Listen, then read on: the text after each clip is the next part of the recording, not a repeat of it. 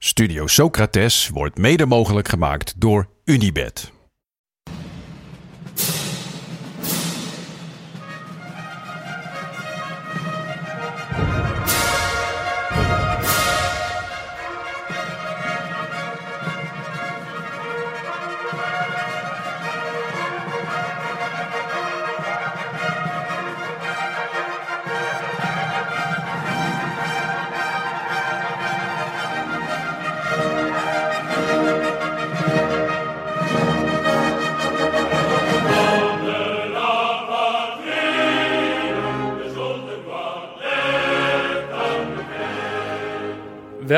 Bij Studio Socrates, een podcast over iconische voetbalteams uit het recente verleden. Teams die je van voetbal lieten houden, met deze keer Frankrijk 2000. En welkom bij deel 2. Deel 1 hebben we al opgenomen, dat heb je net kunnen horen. Va- Schakel je nu net in, dan heb je het verkeerde deel te pakken. Luister dan eerst het eerste deel over de allermooiste trucjes aller tijden.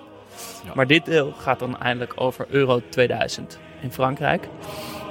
We zitten nog steeds in de tuin van Jonne, zoals ons ooit al lang geleden beloofd. Nog steeds in het zonnetje. Hebben jullie die extra gehoord, jongens? die houtduif. Zit allemaal hier. Hasbandpakieten, die komen meestal rond vijven. Dus dit zal zo meteen wel eh, gebeuren. Ja, de flora en fauna die is Ja, hier eh, volop We aanwezig. hebben, we hebben een luisteraar, of een, eh, we hebben publiek. Ja, we hebben een kat die zit ons raar aan te staren. Kom steeds iets dichterbij. Ik zit ook niet helemaal op mijn gemak, maar Ja. we gaan door. Eh, want eh, wat een heerlijk team en wat een heerlijk toernooi. ja. Maar we gaan ons focussen op Frankrijk. Maar niet voordat we het quizje hebben gehad Ja. van Jonne. We beginnen met een makkelijke, jongens. Vraag 1. Wie was de bondscoach van het Nederlands elftal? Rijkaard. Ja. En een leuk weetje is dat, bij mijn weten, ik heb het natuurlijk ik heb het niet helemaal gefactcheckt, maar is dat er een trainer actief was met de naam die later Europees kampioen werd. Wacht even, dit, die Ik snap vraag het moet je ook nog een niet. keer Nou ja, stellen. het Europees kampioenschap werd gewonnen door Door Frankrijk. Frankrijk. Ah, Ah, zo. Ja. Dat is een leuk feitje. Dat is een leuk feitje. Die hoeft je niet te checken. Nee, eh, wat deed hij voordat hij dus eh, deze klus kreeg? degraderen met Ja, Sparta. degraderen met Nee, Sparta. Of dit was is- wat dat, toen ging je naar Barcelona. Dat is daarna. Denk ik. Echt? Ja, Daarna. is Oh. daarna pas. eh, ik denk dat hij heel lang stil ergens op een eiland heeft gezeten. Nou ja, eigenlijk wel. Het was natuurlijk heel gek. Hij werd gewoon eigenlijk uit het niks bondscoach. Hij was gestopt bij Ajax. Toen was hij een Dat weet ik niet. onderbroekenmerk begonnen. Ah, zo, Sloggy. Nee, ja, niet Sloggy. Fra eh, Frank, Frank Rijkaard Underwear. Maar Ah. dat, het zou kunnen dat het door Sloggy is overgenomen of iets Nou, dergelijks. hij was in ieder geval het gezicht van Sloggy, toch? Ja, Ik dacht dat Heitinga dat was. nee, ja, dat was Nee, Heitinga. Nee, maar daarvoor was Rijkaard het. Ja, Ja? Vrij- Nou, hij heeft behoorlijk geval- zeker. hij Met die pijpenkrullen in zo'n Sloggy onderbroek. Ja, nou ja, maar misschien was het wel gewoon zijn eigen eh, merk. Want hij heeft dus Frank Rijkaard Underwear gehad. Wat in 1997 of zoiets voor een x aantal miljoen euro, gulden toen nog is verkocht. Dus, eh, maar goed, eh, we lopen inderdaad even zijn trainingscarrière door. Daarna ging hij naar Sparta. Dat ging Heel slecht. moi, inderdaad. Degraderen. Eh, met mensen als eh, Aaron Winter en Regie Blinker eh degradeerde die. Voor het eerst in de clubgeschiedenis van Sparta. Toen eh, stapte hij op. Toen ging hij naar Barcelona? ja, inderdaad. Daar werd hij eh, de tweede trainer ooit die de Champions League won. Ehm, en Bij Barcelona dan. ja, bij Barcelona. Ja, ja, ja. Eh, dus daar werd hij aanvankelijk op, op handen gedragen, maar werd hij toch op een gegeven moment ontslagen. Waar ging je toen naartoe? Ehm, Oeh. Dat weet ik niet meer. volgens mij stopte hij toen toch Ja. gewoon als trainer? Nee. Nee? Nog twee klussen daarna gedaan. Ik zou het niet weten dan. Galatasaray. Echt waar? Zo, dat had ik echt niet Ja. geweten. Oh, had ik ook niet geweten. En eh, daarna Saoedi-Arabië. Oeh. Ja. Zeg. Spreek niet voor hem. Ik eh, ben het geen eh, idee. nu alweer vergeten. Ja, ja. Dus, ehm, eh, dus de, tot zover Frank Rijkaard. Hoe heette de mascotte van het EK 2000? En ehm, ja, je hoeft er niet heel creatief voor te Ja, zijn. ik weet het. Ja? Ja, ik, maar ik, ben- ik was natuurlijk ook een beetje in dit EK gedoken. en ik weet ook dat het, dat het een prijsvraag was. Ja, 5000 inzendingen. Ja, en er was een of andere student en die kwam met de naam Benelucky. Nou, nou, nou. Man.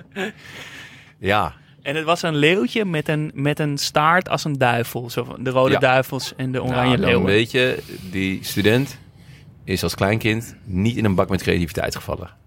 Nee, of maar ja, de, de, de commissie die daar eh, op... eh, er werd toch ook een nieuwe zeesluis geopend dit jaar in IJmuiden. En er werd ook een prijsvraag voor eh, uitgeroepen. en er waren inzendingen als Sluisie McSluisfeest. ja, ja, En de allermooiste was Irma Sluis naar de gebarentolk. Ja. Maar degene die gewonnen heeft is IJmuider Zeesluis. Ja, Zo'n soort naam. Zeesluis ik-. Doe het dan niet. ja. Maar goed, Benelukje dus. Dus weinig, Ehm, dus weinig goede gewoon niet resultaten gewaardeerd. heeft zo'n prijsvraag. ja, maar het- het- doe het dan niet inderdaad. Überhaupt zo'n helemaal Met eh, qua prijsvragen. Pa- Patatje Joppie komt ook van een prijsvraag, toch? Dat is goed uitgepakt. oh, Dat is ja? eh, een begrip eh, geworden. Ik weet ook eh, Chips, hè? Patatje oh, Joppie chips. oh, Ja. ik kan het zeggen, de chips. Ja, want de, de saus. over de nieuwe smaak. Ja. Ja. Ik Oh. weet ook dat er voor... eh, Ja, vind de- jij die lekker? Ja, ik koop hem niet vaak, maar ik vind hem wel Ja. best wel lekker. Ja, ja, is wel oké. Ja. Ik weet dat er ook een prijsvraag werd uitgeschreven voor de slogan van de bezorgbeer, die eten bezorgt. En toen heeft er iemand gewonnen die de slogan had, bezorgd eten. Zo, gewoon dat. en die won. Ja, kom aan. Ah, vet. Ik ga misschien toch vaker Zo, meedoen aan wei- die... eh, zo weinig ja. creativiteit. Eh, volgende vraag. Wat waren de vier of, eh, de speelsteden? Vier in Nederland, vier in België. Amsterdam, Ja, Amsterdam, de Ja. Kuip, Rotterdam, Rotterdam. Gelderdoom Ja, zeker. en waarschijnlijk dan Eindhoven. Ja, klopt. het Koning Boudewijn Stadion, neem ik aan. Ja. Het is het enige stadion waar Standaard Luik. Ja, Zo, zeker. Mm, Dus Luik en eh, Brussel. Is dat? dat had ik ook niet geweten waar het Koning Boudewijn Ja. Stadion stond. Dus dan waarschijnlijk iets in Antwerpen. Nee. Het stadion van Charleroi. Oké. Geen idee waarom. ik zie het even niet voor me. En het stadion van Brugge. Ah ja, Brugge hadden we natuurlijk Ja. wel moeten weten. Maar best wel raar. Ik Ja. keek ook naar de, naar de capaciteit van die, van die stadions. Nou ja, er zijn er iets van drie rond de 50.000. En de rest is allemaal 30.000. Gewoon best wel klein eigenlijk. Ik vind het ook wel weer wat hebben eigenlijk. Ja, Van die Ja, soort van wat oudere, het volgepakte was natuurlijk De stadions. finale in de Kuip is toch wel... Dat ja is dat, wel dat echt is eh, cool. de vraag. Van, eh, volgende vraag. Oh, waar werd de finale gespeeld? Nee, dat is prima. Maar ehm, het was natuurlijk ook best een klein toernooi nog. Hè? Eh, met, eh met 16, 16 landen. ploegen. Ja. Dus je, als je de, de, de pool door was, dan kwam je eigenlijk gelijk in de kwartfinale. ja. Dus dat, ja, je had ook niet zo heel veel stadions nodig. Maar, eh, ja, ik maar vond nu worden ze er speciaal voor gebouwd. Ten Ja. koste van natuurlijk heel veel. Ja. maar- Ja, en vooral ze worden daarna nooit meer gebruikt. Ja. Zeker in Qatar, maar ook in Rusland. eh, ja, wat, wat heb je eraan? Ehm Kluivert werd gedeeld topscorer. Met wie? Ja, dat weet ik ook. Zo, lekker. Milosevic Ja, zeker. Oh ja. van Joegoslavië. En Ja. hoeveel goals hadden ze? Vijf. Well Maar played. ja, ik, nou, het is puur omdat ik me gewoon... Ik, ik zat natuurlijk research te doen naar, dit, naar Frankrijk. Maar daardoor raakte ik helemaal verzeild in alle EK 2000 Ja, dat is- dingen. En ik heb alle samenvattingen denk ik gekeken. Ah, heel vet. En eh, dus ook dit soort stats. ja, dat snap En ik heel eh, goed. want wat was het een geweldig toernooi. Ja, en toch ben ik... Ik, ik kan het me niet meer zo heel levendig herinneren... bijvoorbeeld dat het heel erg speelde of zo in het land. Nee, dat, Terwijl ik las dat, geloof het heb ik ook niet. goed bekeken was. Ja, Maar het was bijvoorbeeld niet, er waren niet van die pleinen met, waar je kon kijken en zo, wat, wat eh, volgens mij in Portugal vier jaar later al wel was. Dus daar, daar met, met oranje mars. Ah, en misschien weet, ik weet, weet je dat zeker? Want ik, Ja, kan, ik- dat kan je bijna niet voorstellen. jij hebt wel eens verteld over je hele straat helemaal oranje. Ja, Ja, wij... maar dat is eh, best uitzonderlijk hoor. Want ik, ik Ja. heb alle, alle wedstrijden gewoon thuis gekeken. Nee, maar dat was ook een soort van semi-illegaal. Niet dat Ja. het nou zo'n drukke straat is, maar we, we zetten dan gewoon met linten de straat af. We huurden zo'n heel groot eh, bioscoop, eh, hoe heet het? Zo'n groot, Ja. zo'n groot scherm. En dat sloten we aan en dan gingen we voetbal kijken. Ja, maar dat, dat, dat was best wel niet. Want volgens mij, het was niet dat op alle grote pleinen in, in Amsterdam. Nee. dat daar voetbal werd niet, gekeken, nee. toch? Nee, ik kan me herinneren dat ik het ook thuis keek. En die Ja. wedstrijd tegen Joegoslavië. Ja. En dat was zo goed. Toen waren we zo goed. Alles lukte. En die, en die hattrick van Kluivert. Dat ik ook helemaal soort... Yes, ik, ik, eh, ik was helemaal door het dolle heen. Ik dacht, ik moet voetballen ook. Ik wilde zo Ja, graag voetballen. en ik had een soort klein pleintje achter mijn huis. En dan kon ik via het balkon, via een boom, kon ik dan naar dat pleintje toe. en toen was ik dus helemaal ondersteboven van, ik moet voetballen. Toen ben ik dus via het balkon, via die boom. En toen brak er een tak. En toen donderde ik dus iets Dat van niet. twee meter naar beneden, plat op mijn rug. Toen was ik volgens mij ook even, even, even helemaal zwart voor mijn ogen. Eh, maar dat kan ik me nog heel goed herinneren als, ja. als eh, dat, dat een heel groot onderdeel voor mij was Ja, aan dit ja, ja. Ja, nee, ja. Ik heb niet echt lekker gevoetbald, dus ik, heb- ik ben gewoon volgens mij met een hersenschudding in bed gaan liggen. Oh, zie je ook echt een hersenschudding? ja, het was Wow. wel, ik was wel hard gevallen. Oeh, dus Nou goed, laten we snel eh, door. Ja, laatste vraag. Die weet je dan waarschijnlijk ook. dat was weet het- ik niet. Wat was het officiële EK-lied? Ja, dat weet ik ook. Ja. Eh, die is ook ingezonden toen wij eh, Ja. vroegen wat is het mooiste voetbalnummer aller tijden. Ja. Dat is Kampionen van E-Type. ja, en dit is dus van E-Type. Dat is een van de Zweedse artiest. Die heeft een, een hele cd gemaakt. eh, eh, met de- dergelijke liederen. En daar is dus een, dit lied. En ja, dat is wel een blijvertje geworden. Toch? Ja, die kan je gewoon lekker in een stadion met z'n allen, toch? Ja. Kampioen. We hadden het, ja, we hadden het toen over dat hij, eh, dat hij mijn favoriet lied, ja, la, la, la, la, la, la, dat hij die een beetje vervangen heeft of zo. Maar denk je niet dat dat kampioenen, kampioenen, dat dat al eerder was en dat hij er een nummer mee heeft gemaakt? Want het voelt als zo'n soort eeuwenoud voetbalstadion. Misschien een oud. Italiaans. Ja. Toch? Dat je met het, normaal heel langzaam of zo. En dan Zo'n snelle net beat eronder gezet. En, ja. Wat natuurlijk ook is soort van verbastering. Nou, we kennen hem in ieder geval Maar- nog steeds. Over officiële EK-liederen gesproken. Oh jee. Ja, jongens. Ehm, ik denk dat mijn neefje, mijn neefje is een eh, muzikant. Een eh, vrij goede muzikant ook. Eh, de Rock Academie gedaan en zo. En eh, hij maakt ook wel serieuze muziek. Hij heeft allerlei bands gespeeld. En, eh, ehm, maar hij heeft ook een nou, wat speelsere kant. Af en toe dan eh, komt hij ineens met eh, een nummer, eh, eh, een lekker stukje vlees op de barbecue. Of, eh, hey, doe mij dat coronavirus. en hij heeft nu... Carnavalstoppers, een beetje. Die categorie. Ja, nou ja, ja. Ja, carnavalstoppers, nee, ik weet niet of je wel eens carnaval... Daar zit echt heel weinig muziek in. De, een beetje, beetje feestachtige nummers. Ja, ja. Eh, en vaak met een beetje guitige tekst. Eh, wel, wel een niveautje hoger dan carnavalsnummers. Nou, die ga, hij gaat aanvallen, hè, die kat. Nee. Jasper wordt We zenuwachtig. kijken een beetje bang om ons heen. En, er een ehm, hele grote kat op een hekje naast me. Ah, die gaat, die doet niks, ik joh. ben er Die niet bang voor, ben niet bang, ben niet bang. Ehm, maar hij heeft nu dus een EK-hit opgenomen. Eh, hij heeft als, eh, als stage name in dit geval eh, Benny Beenham. Maar hij Gaat heeft, al dus, veel? hij heeft dus gewoon een EK-nummer opgenomen met kaliber. Dat meen je niet. De Ja. kaliber van Vibe. Van Vibe. En daar heb ik gelijk een verhaal bij. Want ik ben dus een keer uit de melkweg gezet. Omdat ik te vaak kaliber met Vibe had aangevraagd. Ja, dan vind ik ook wel terecht dat je er wordt uit. Bij was- de DJ zelf. Ja, bij de DJ zelf. Met vrienden waren we. We waren met een groepje. We wilden heel graag kaliber met Vibe. En toegegeven, het was een technoavond. Dus ik snapte ook wel dat hij hem niet bij zich had. Maar hij zei op een gegeven moment, als jullie nog één keer aanvragen, dan laat ik jullie eruit zetten. En toen was er alweer iemand anders onderweg. Dus toen ging ik dat vertellen. Ja, toen werden we eruit gezet. Omdat er dus al iemand onderweg was om eh, dat aan te vragen. Maar goed, voor mij is het dus... Ja, kom maar lekker viben. Dat is gewoon een... Iconisch. Een, Ja. een klassieker.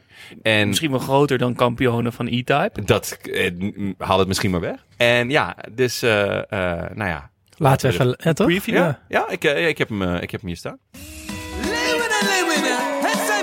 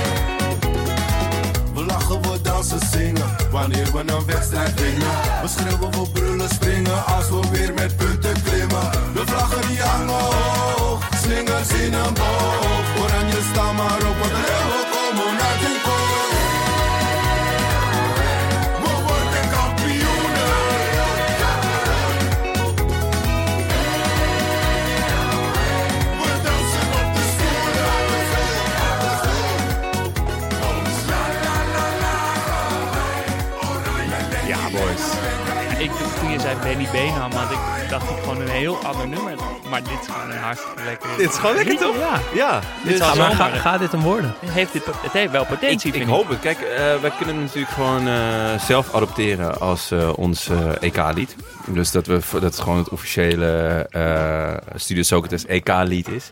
Dat we hem af en toe gewoon op te pas en te onpas... Misschien eh, voor onze EK-specials. Voor onze EK-specials vind Het ik echte een, Bert eh, Madelink gevoel. Ja, dan, heb je, dan, dan zit je toch wel goed met Benny Benham en Kaliber met Fiber. Ik ben heel benieuwd. Ik ga het eh, goed in de gaten houden of Ja. dit eh, de hitlijst gaat bestormen. Ja, heerlijk. Dus, Genieten. eh, ja, genieten. Dankjewel hiervoor, jongen. Ja. Dan eh, gaan we naar Frankrijk. Ja, voordat we naar het team gaan, even een heel klein ehm, overzichtje van hoe Frankrijk ervoor stond voordat dit toernooi begon. Ehm, nou, het EK werd dus gehouden, zoals jullie ongetwijfeld weten, in Nederland en België. Frankrijk kwam in de pool terecht met Denemarken, Tsjechië en Nederland. Eh, de trainer was eh Le Maire, die in 98 nog assistent was van eh Jacquet. Hij nam het stokje over. Ehm, en in 98 werd ze natuurlijk wereldkampioen aan de hand van eh Zidane. Ehm, maar toch plaatsten ze zich met heel veel moeite voor dit EK. Sterker nog, het leek erop dat ze... Heel veel mazzel eigenlijk zelfs. Ja, nou ja, in de, in de la- laatste kwalificatiewedstrijd stond Oekraïne nog eh, op plek 1. Ja. En ehm, omdat die het verneukte tegen, tegen Rusland, plaatste Frankrijk zich rechtstreeks. Anders hadden ze play-offs moeten spelen. Ja. En je weet dat dat niet altijd even makkelijk is. Nou ja, en zelfs eh, Rusland stond ook nog boven Frankrijk. Eh, dus eigenlijk de enige optie waarop Frankrijk nog eh, kampioen kon worden in, in hun pool... Ja, was als gelijkspelletje. een gelijkspel bij eh, Rusland en Oekraïne eh, gebeurde. En volgens mij kwam Oekraïne kwam in de absolute slotfase kwamen ze op, op, op gelijke hoogte. Ja, Waardoor Frankrijk met een winstpartij tegen...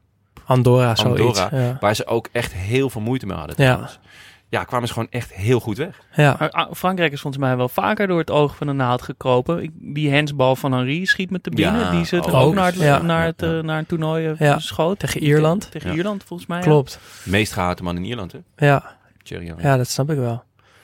Ja, Nee. maar ze, ze redden het dus wel. Ehm, en ze gingen met een redelijk vergelijkbare selectie eh, naar, naar het EK 2000. Redelijk vergelijkbaar met 98. Ehm, in 98 stonden ze vooral bekend om hun stabiele verdediging met Turan, Blanc, Desailly en Lissarassou. Ehm ze kregen in 98 weinig goals om de oren. En sterker nog, met, met deze vier spelers achterin eh, hebben ze nog nooit een wedstrijd verloren. Wow. Ja, dus-. Ja, dus eh, volgens mij 28 wedstrijden gespeeld met die vier of zo. En gewoon een aantal keer gelijk en voor de rest alles gewonnen. Heel knap. Ehm, maar dit toernooi was die stabiliteit wel een beetje eh, verdwenen. Maar het surplus aan aanvallende kwaliteit maakte dat goed. Henri was definitief doorgebroken. Eh Zidane was op de top van zijn kunnen misschien wel. Eh Djorkaeff, Dugarry voor de ervaring voorin. En dan Anelka, Wiltor, Trezeguet met drie jonge honden voorin. Eh, die het iedereen lastig maakt. En daar, daar gaan we het nu over hebben. Ja, wel een beetje op leeftijd al, hè? Dus ook die, die, eh, die achterin. Ja, Vandaar dat het misschien... ja dat is eh, misschien waar. En trouwens, ze speelden echt in prachtige shirt. Ja. Ja. Zo'n horizontale rode baan. Ja, met wit. En Ja, dan Witte lijnen. het mooie blauw van Frankrijk. En ook dat Ja. uitshirt was ook mooi. Ja. Eh, letters en eh, benummering heel mooi. En dat zwarte shirt van Bartes, dat zie ik ook nog voor met een soort grijze golvende strepen erop. Ja, Schitterend shirt. nou hopelijk Van gaan 98 er... vond ik ook mooi trouwens. Heel mooi, ja. Maar Dus, ik- eh, Ik denk ook niet dat er veel teams zijn, ik- zeg maar Arsenal, Invincibles, maar ook dit Frankrijk, waar je zo goed alle Ja. posities van kent, toch? Ja. Je, er zit helemaal geen, toch, je weet dit gewoon nog precies. Nee, ja, dat- er zitten dat ge- bijna geen onbekende... Nee, er zitten eh, geen gekke, zelfs niet op de bank. tussen. Nee. Op de bank eh, had, had je ook nog wel een paar van... Oh ja, ja, nee, Ja. natuurlijk. Zat Ja, maar dat sowieso komt natuurlijk, het is een tijdperk. positie- Omdat 98 en 2000 waren ze zo succesvol. Dus dan, dan ken je automatisch dat hele team. Ja. En normaal heb je natuurlijk een aantal grote spelers en worden die gaten opgevuld met, met iets minder eh, goden. Maar hier heb je op elke positie, Ja. heb ik het idee, de Ja. perfecte speler voor die positie. Ja. ja, maar ja, aan de andere kant... Dat, ik, in, de, in de, eigenlijk de intro van deel 1 noem ik het Nederlands elftal op. En het grappige is, die hadden dat eigenlijk ook. Ja, Misschien dat, wel, ja. dat, eh, dat jaar. Met Paul Bosveld. Ja, dat was misschien de, de enige. De enige dan. De Doesburgse shuffle. ja. Wie weet we nog. Maar goed. Laten we beginnen Ja. bij de basisopstelling. ja. Eh, en dan op goal natuurlijk Le Divin Chauve. De diving bold one. De kleine kale Ja, vliegende keeper. Fabien Barthez. Geen Ja. fan. Ik ook echt geen fan. En dat komt bij mij tenminste omdat ik gewoon echt niet hou van kleine keepers. En hij was 1,80 meter, wat niet per se heel klein is, maar toch voor een keeper best wel klein.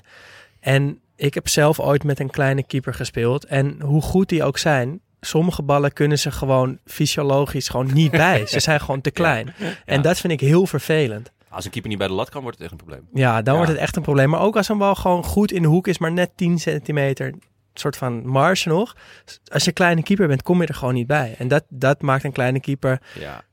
per definitie al, ja, op, staat tot 3-0 achter. En dat had dat ook. hij zo'n wereldkeeper is Hij, geweest? hij was niet een Nee, dat wereldkeeper. vond ik Maar dus ook waarom- niet. Was gewoon waarom een heeft beetje een hij- clown. Maar dat hebben, dat hebben kleine keepers wel vaker. Omdat ze dan gewoon een beetje gaan overcompenseren of zo. En ja, hij was gewoon best wel een clown. Ferguson heeft toch, we hadden het vorige week over menu. Die Ja, heeft toch ook gezegd, ja, na Schmeichel hadden we gewoon een keepersprobleem. En eh, tot Van der Sar, nou ja, daartussen zat Bartes ook. Maar ja, hij is wereldkampioen geworden, is Europees kampioen geworden, heeft de Champions League gewonnen met Marseille. Hoe kan het dan dat hij dan er bij Manchester United gespeeld heeft? Waar- waarom trapt iedereen er dan in? kijk, het is natuurlijk geen eh drollenvanger.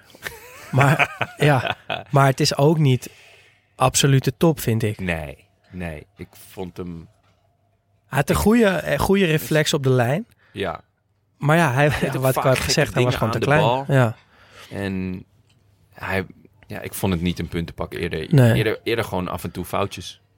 Maar ja, eh, kijk, eh, je kan toch ook, als je, als je een dergelijke verdediging hebt of je hebt een heel goede aanval, dan kan je natuurlijk ook gewoon zo'n toernooi winnen. Misschien is dat wel zo. Ja. En waar ik ook eh, aan moest denken was eh, die foto van Ja. Blanc bij Barthez. Altijd, hè? 98. Ik dacht dus dat het een soort van één keer gebeurd is. Maar dat deden ze gewoon heel vaak. Nee, ze deden het elke Eh, wedstrijd. ja, elke dat wedstrijd. wist ik gewoon helemaal niet. Daar kwam ik nu achter. van Blanc op, Ja. het, op de kale knikker van... eh, Super mooi beeld. heel Vooral mooi omdat hij beeld. dus wat kleiner Ja. is. En dat Blauw dus ook nauwelijks hoeft te, Ja, Ja, op zijn tenen hoeft te staan. maar gewoon zijn hoofd pakt, een kus geeft en, Ja. en, en begint. ja.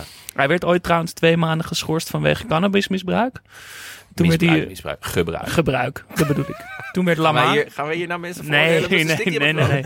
Toen werd. Lama eerste keeper en die werd een jaar later ook geschorst, ook vanwege cannabisgebruik. ja Ja, die, hadden gewoon, die, die deden dat en samen. toen mocht. Bartes weer. Ja, het is toch een heerlijk. het stikjes er ook.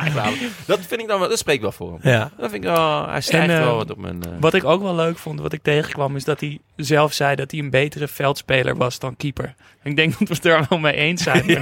Hij was zo'n Ja. meevoetballer natuurlijk. Ja. En ging hij op de training, deed hij ook gewoon vaak mee met het elftal. Eh, had hij geen zin om op goal te staan, dan ging hij gewoon voetballen.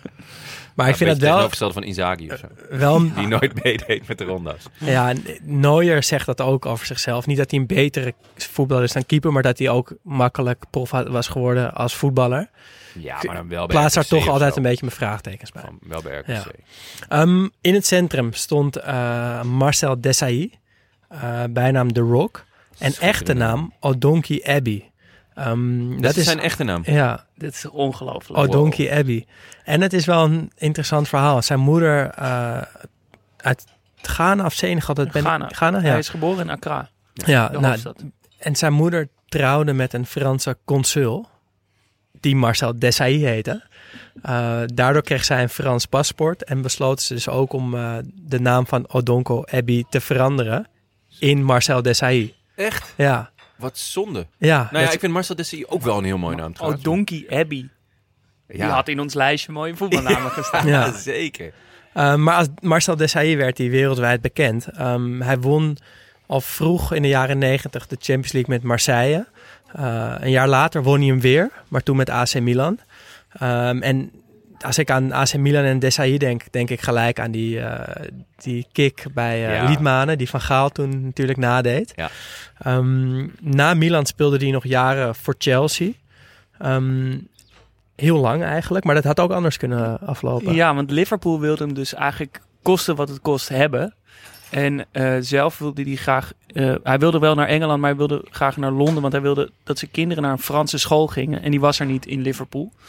En toen, eh, dus ondanks al het geld wat Liverpool bood, zei hij nee, ik wil dat mijn kinderen hier op school zitten. En toen heeft Liverpool hem aangeboden, hem elke dag met de helikopter op en neer naar de training Echt? te vliegen naar Liverpool. Wauw, toen al. En toen heeft hij dat niet gedaan. Ja. Ja. Dat snap ik ook wel hoor. Ja, elke maar- dag met de helikopter. Ja, maar ik denk dat je na, dat klinkt gruwelijk natuurlijk, maar na, kantoor van, ja. na drie keer ben je daar wel, eh, wel klaar mee. Naast Toch hem, wel cool. naast hem stond eh Laurent Blanc met bijnaam Le Président, maar ook met als bijnaam Larry White. en naïef als ik ben, ging ik dat eens even googlen. Ik dacht, welke bekende man heet nou Larry White en lijkt op Laurent Blanc? Ja. En toen dacht ik, ja, dat is, dat is gewoon de- een soort van Engelse vertaling van zijn naam.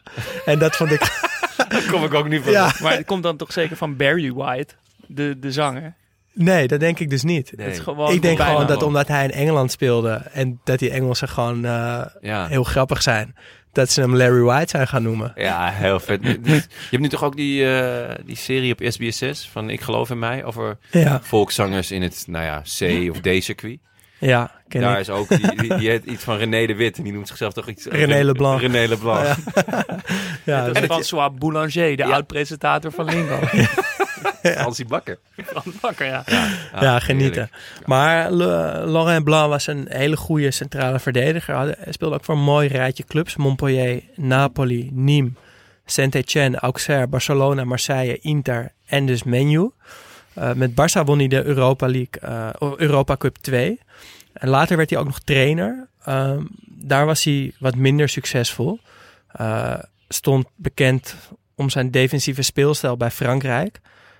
En nou, we komen Nou, straks ja. ook nog bij eh, Deschamps uit.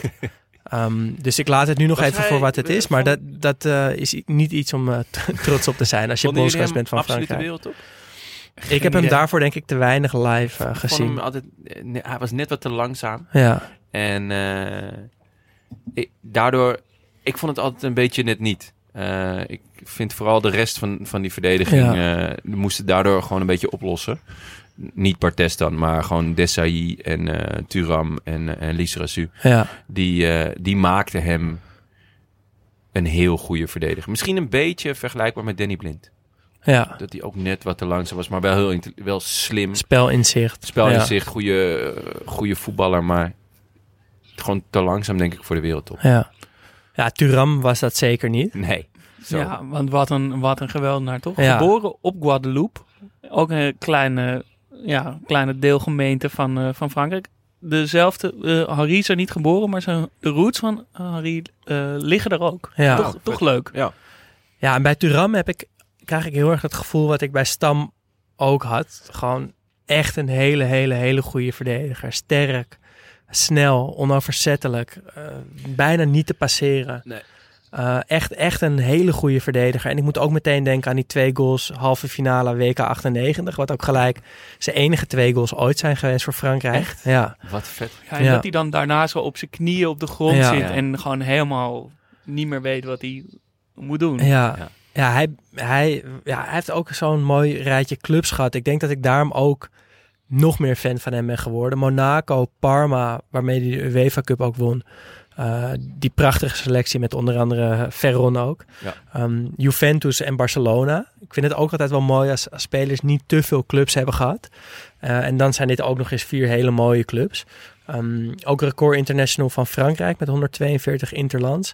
En ook zijn carrière na eh, voetbal is, is, is mooi. Hij is politiek zeer actief geworden. Voert een hele actieve strijd tegen racisme en discriminatie. Zat ook een eh, tijdje in een van de belangrijkste adviesorganen van eh, de Franse regering. Oh, echt? Wat Ja, en is echt een soort van eh, ja, politiek figuur in Frankrijk geworden. Die Oh, daarin ook heel serieus wordt genomen. Maar ik denk ook Goed. wel dat dit, dit team en dat van twee jaar eerder heel erg getekend is door dat racisme. Ja. Doordat Le Pen ooit zei dat er te veel zwarte spelers in dit team eh, zaten. Ja. Ja. En dat je dan toch met zoveel mensen met een migratie of spelers met een migratieachtergrond wereldkampioen en Europees kampioen wordt, dat moet. En zeker Turam schijnt veel racisme te hebben Ja. meegemaakt. Moet toch ook iets. Nou, volgens doen. mij is dat, is, heeft dat in de strijd tegen racisme en discriminatie, heeft dat, dat team van 98, Ja. die soort van verbondenheid die zij eh Dat toonden. heeft heel erg geholpen. Ja. Dat werd ook gezegd, want het is grappig dat wij als derde punt hebben we altijd de erfenis. Ja. Dat, daar weten we nooit zo goed wat we ermee moeten. Maar zij hebben wel echt daadwerkelijk een erfenis gehad. Ja. Eh, omdat het zo'n eh, gemixt team was. Maar wel heel erg Frans. Eh, maar dat is dat- Frankrijk ook gewoon, toch? Want ze ja, hebben tuurlijk, zoveel... is ook zo. Maar er, er is natuurlijk gewoon een, een heel scherpe lijn inderdaad. Die, die met name door Le Pen heel erg wordt, wordt, wordt uitvergroot. van eh, ja, toch wel eh, eh, rechts semi-racisme. Ja. Of volle bak racisme. Volle bak, ja. Ehm, en dit team was natuurlijk een heel mooi voorbeeld van jongens.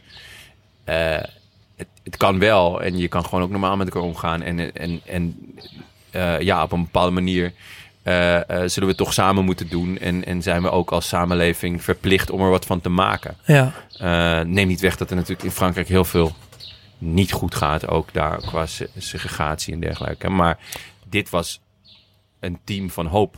In ja. ieder geval het van 98, maar dit, dit, dit was natuurlijk de Een uitwas. voortzetting. Ja, en van- ook misschien toch ook wel een soort pijnlijke kanttekening is dat ze dus tijdens na de winst op, in, eh, in 98 en in 2000 dat iedereen op de Champs-Élysées stond. De, de grootste menigte ooit in Frankrijk na de Tweede Wereldoorlog die zich daar verzamelde om feest te vieren en iedereen ook door elkaar heen. Maar dat je toch ziet dat dat, ja, dat had natuurlijk, het heeft natuurlijk wel zijn sporen nagelaten, maar dat het, het ik bedoel, het is niet in één keer beter geworden Nee. daardoor. En die Nee. discussie leidde zelfs ook weer op toen ze hierna, wat was het, twee jaar geleden weer wereldkampioen werden. Ja. Nee, ja, ja. ja, maar die problemen zitten zo diep dat het natuurlijk niet het- wordt opgelost met een, Nee, met een tuurlijk. WK Nee, die- die voetbal. Maar ik denk ook wel hebben, dat... maar dat is toch voorbeeld wat zo'n- zo te zien. Ja, maar het voorbeeld wat zo'n voetbalteam kan scheppen... Ja. van dat het dus allemaal bij elkaar eh, Ja. kan zijn... en door elkaar kan leven... en tegelijkertijd dus heel succesvol kan zijn. Dat is natuurlijk wel een heel mooi voorbeeld. Dat is zeker mooi. En we komen hier straks nog even op terug als we het over Carambeu hebben. Want die, eh, ja, die heeft, toch die een, heeft daar ook eh, wel een, Ja. een verhaal bij. familiegeschiedenis. Ja. Wauw. Ehm, maar eerst Bixante Lisa Rassu. Die hebben we natuurlijk al eerder behandeld... bij het mooiste voetbal, voetbalnamen. Ja, dat zei je toen ook al. toen, ja, Ja? ik, ik zeg gewoon maar wat. Ik zou zeggen Bixente. Oké. Ehm, hij speelde 97 interlands voor Frankrijk en één voor een ander nationaal elftal. Zouden jullie weten voor welk nationaal elftal? Nou, de, de naam met die X doet vermoeden. Ja, dan maar dat is geen land. Eh, Baskeland. Ja. Maar dat is, dat is denk Nou, dat ik denk dat dat een beetje hetzelfde... Nee, Baskeland, ik weet niet, of- dat een beetje hetzelfde misschien hoe dat met Catalonië werkt. Ja, Baskeland is een, een gedeelte van Noord-Spanje en Ja. Zuid-Frankrijk. Ja, maar die, Met- Catalonië speelde ook soms... Of tenminste, Ja, die hebben een nationaal elftal. En dat eh, was met Baskeland dus ook zo. Dus in een Ah, oefenwedstrijd vet, eh, tegen Bolivia. Er zijn trouwens ook veel... ook, ook, Ja. ook op eh, 6000 meter hoogte of zo. Ja, En die, zijn. naam die is dus wel belangrijk, want dat is natuurlijk een hele aparte naam en een hele Baskische naam. Ja. En daar werd hij in het begin een beetje belachelijk om gemaakt, maar na eh, deze twee toernooien werden dus allemaal eh, jongetjes geboren in Frankrijk die Bixente Oh, wat gingen vet. heten. En ik heb het ook even opgezocht. En zijn kinderen, zijn zoontje heet Ximista, T-X-I-M-I-S-T-A, Chimista en een dochtertje Uhaina. Wauw. Chimixta Lizarazu en Uhaina Lizarazu. Ja, dat is wel een familie eh, Ja. bij elkaar. Ja. En ik vond nog twee dingen die heel mooi eh, zijn over hem. Eén eh, uitspraak is hoe meer druk er op een wedstrijd staat, hoe ontspannender je moet zijn. En hele onbelangrijke wedstrijden moet je dus juist heel agressief zijn. En ik kan me dat wel voorstellen. Kan ik me ook in heel zo'n goed finale voorstellen, juist, ja. en dat vertelt hij ook, dat er alleen maar grapjes werden gemaakt. Er werd een beetje gelachen. In de finale tegen Brazilië gingen ze, gingen ze wisten dat ze tegen de, tegen de echte Ronaldo moesten. En daar waren ze natuurlijk heel bang voor. En toen hebben ze elkaar een beetje, ja, dat gaat ons nooit lukken. Ah, wat is dit ja, toch, ja, eh, ja. ja, wat moeten we nou? Wat gaan wij daar nou tegen doen? Het, het, het lukt nooit. En, en door die inspanning, Ja, in, instelling, kwamen ze dus, eh, wat vet. lukte dat toch wel. En ik kan me dat ook wel goed voorstellen. Dat, ja. ik vind dat Je hoeft jezelf... jezelf daar niet voor op te peppen. Nee, maar jezelf naar beneden praten zou ik dan ook weer niet doen. Van Nee. dit gaat ons niet lukken Ja, en zo. Nee, maar, Ehm, maar wel met je geintje dat- van, dat je jezus, die is goed, zeg. eh, De spanning Ja. eraf, dat kan wel echt... eh. Nou, Ja. ik, la- ik las eh, een keer dat Zidane, dat dus als trainer bij Real, i- bij die Champions League finales ook constant aan het doen was. Nou, die zat natuurlijk in dit elftal. ja. Dus misschien is dat Ah, nog een ja. soort van Ja. gevolg van, eh, Ja, van zijn interlandcarrière. Heel vet. En eh Lisa Razou heeft ehm, nog een hele, Ja. hele mooie statistiek. En dat kunnen niet veel mensen eh, ook zeggen. En ik weet niet of er überhaupt andere spelers zijn die dit kunnen zeggen. Maar hij is een van, of hij was in ieder geval de eerste. En misschien zijn er dus daarna nog spelers geweest. Die zowel bij zijn club als bij zijn land Europees en wereldkampioen tegelijkertijd was.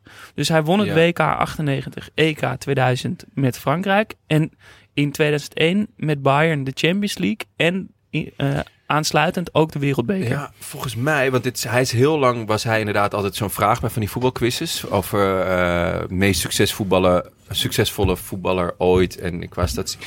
En dat, dat is hij heel lang geweest. En volgens mij is dat met de successen van Spanje eh, op het WK in 2010 en de EK's in 2008 en 2012, die zijn natuurlijk allemaal wonnen. Ja, Eh, is hij daar Ah, heb je die Barcelona- door Barcelona en spelers van, van Madrid. ja. Die, die daar toen ook alles pakte wat er te, te pakken viel. Maar hij is heel lang inderdaad de enige speler. Omdat hij natuurlijk een Fransman was bij Bayern. ja. Wat echt uniek was.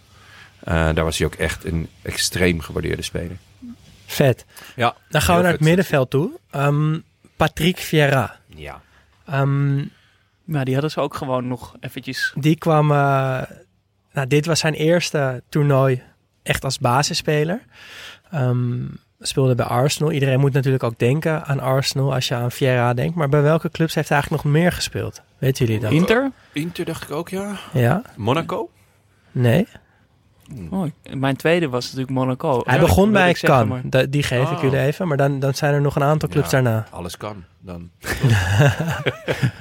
Ja, Eh, tussen Cannes en, en City? Arsenal. Die, of heeft, is En hij daarna, ja, City. Daar City, eindigt hij ja, dus dat is waar. Ehm. Inter hebben jullie dus gehad. Inter, Arsenal en dan nog twee clubs. Grote clubs ook. Zo, de knetterij. Ehm wat mis ik dan? Hij heeft twee wedstrijden voor AC Milan gespeeld. Echt? Ja. Hè? Hij Twee ging- AC en Inter. Hij, hij ging van Cannes naar AC Milan. Daar speelde hij in één jaar maar twee wedstrijden. Toen eh, was het even het verhaal dat hij naar Ajax zou gaan. Oh, Uh, ja. Maar die konden zijn salaris eh, niet betalen. En Wenger, die toen net bij Arsenal zat, vond dat geen probleem. Ja. Dus die haalde Vieira. Oh. En na Arsenal is hij verkocht aan Juventus. Oh ja.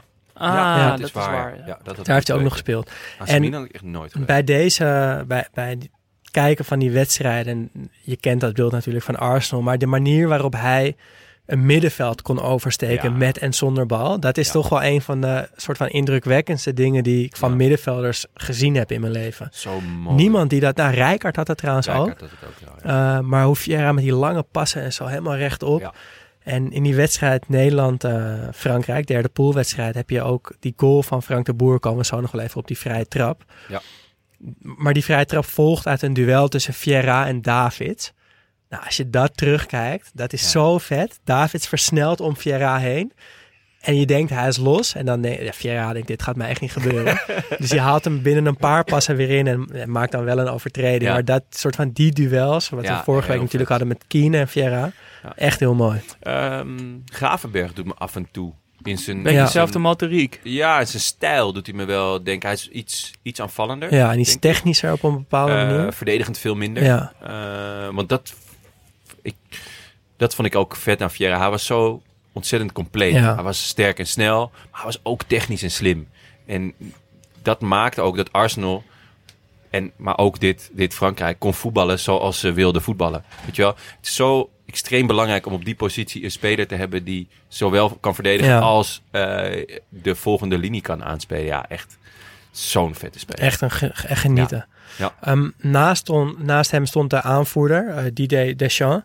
Ehm, en ja, leuke, leuke speler. Ja, nee, ik vind dat echt... eh, als voetballer kan ik eerlijk zeggen niet zo heel veel eh, herinneren van Deschamps. Dus daar, daar hoef ik ook niet veel over te zeggen. Ehm, maar wat ik al eerder heb gezegd in de podcast, maar ik ga het toch nog een keer doen, dat hij als, als nationale bondscoach al die goede spelers gewoon niet selecteert. Eh, geen Benzema en dan Giroud in de spits zetten. En Ja. zoveel andere goede technische aanvallende spelers links laten liggen. En dan met Sissoko of Matuidi op de flanken spelen. Nou, dat, ja. dan, dan hou je gewoon niet van voetbal.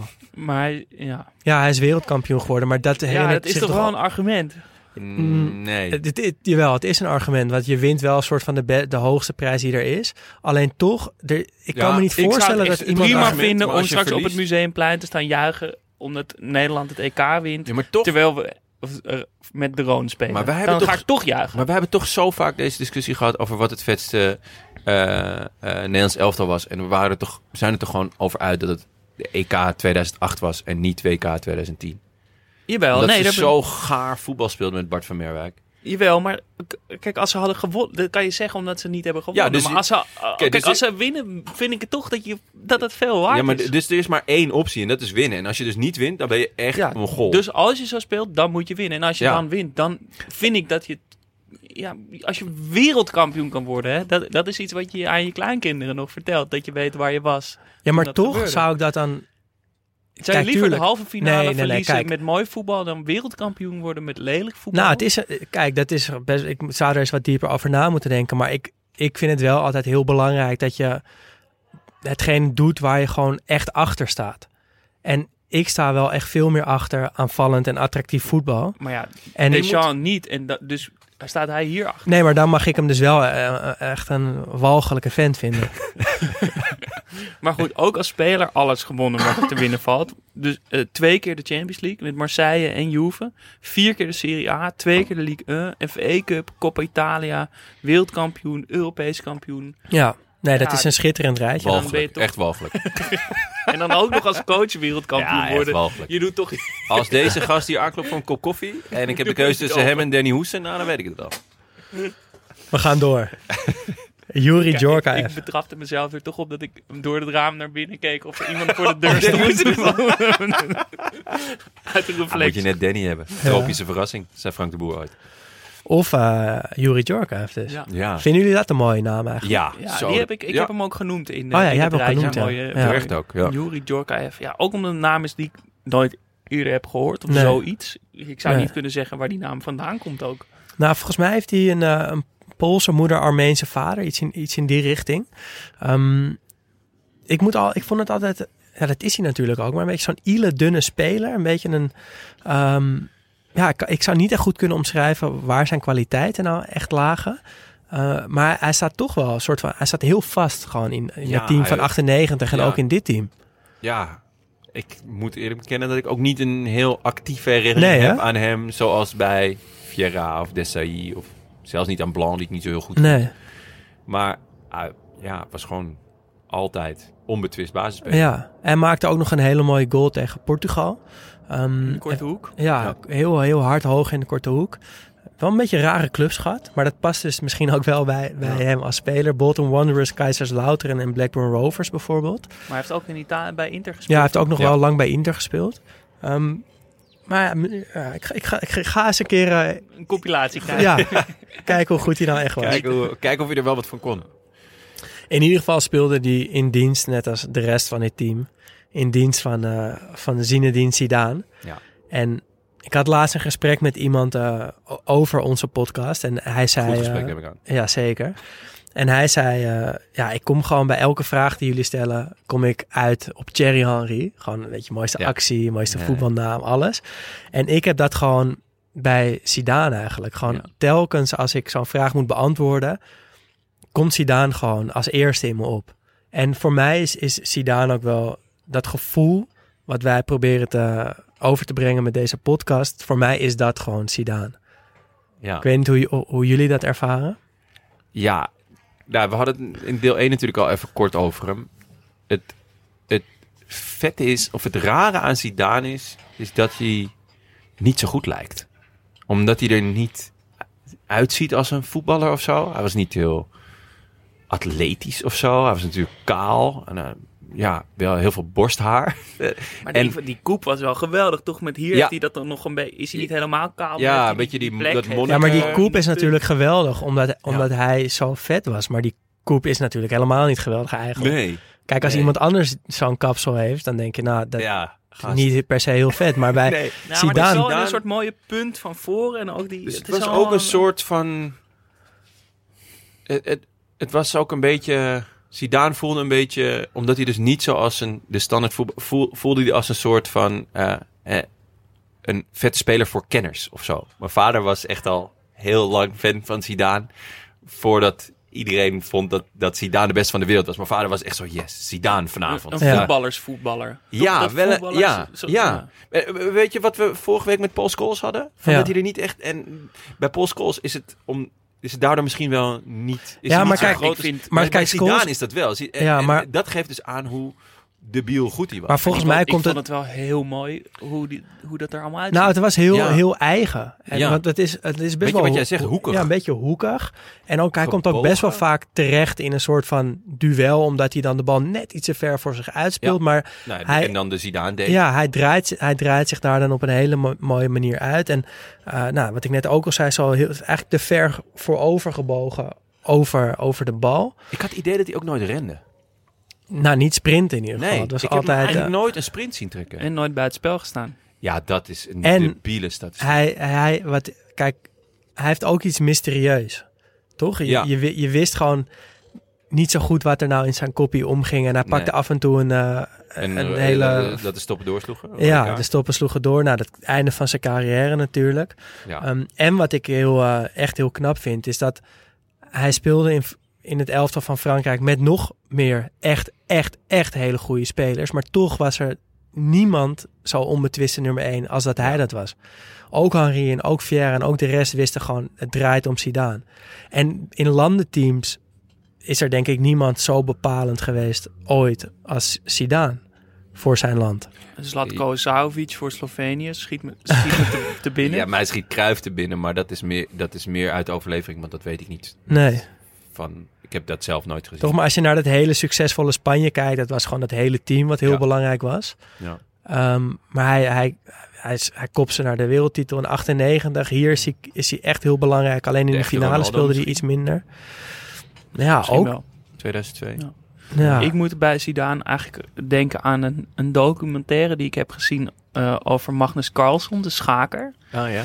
En die gaat een, eh, het, om de wereldtitel schaakt hij tegen een Indiër. Ik ben even zijn, zijn naam kwijt, maar die, die is sowieso een geweldige documentaire, dus ga die zien. Maar die Indiër die speelt op een hele rationele manier. Dus die, die berekent alles met computers van tevoren. Dat als het bij die zet, dan is er zoveel procent kans dat dit. Dus dan moet je dat zo. En die heeft ook een soort megacomputers en een team met, met eh, IT-gasten achter hem die dat allemaal voor hem eh, doen. Oké. maar en dan zo'n een bijzonder soort- brein dat hij dat allemaal kan opslaan. Ja, precies. Nee, het is natuurlijk Ja. ongelooflijk knap. En die Magnus Carlsen is veel meer op gevoel. En die wordt de eerste paar potjes wordt die helemaal weggespeeld. Want er is gewoon tegen die kansberekening kan je niet op. En op een gegeven moment ontspant hij zich. En in de, dan wint hij eigenlijk de alle andere potjes daarna. Nou, verklap ik natuurlijk de hele documentaire.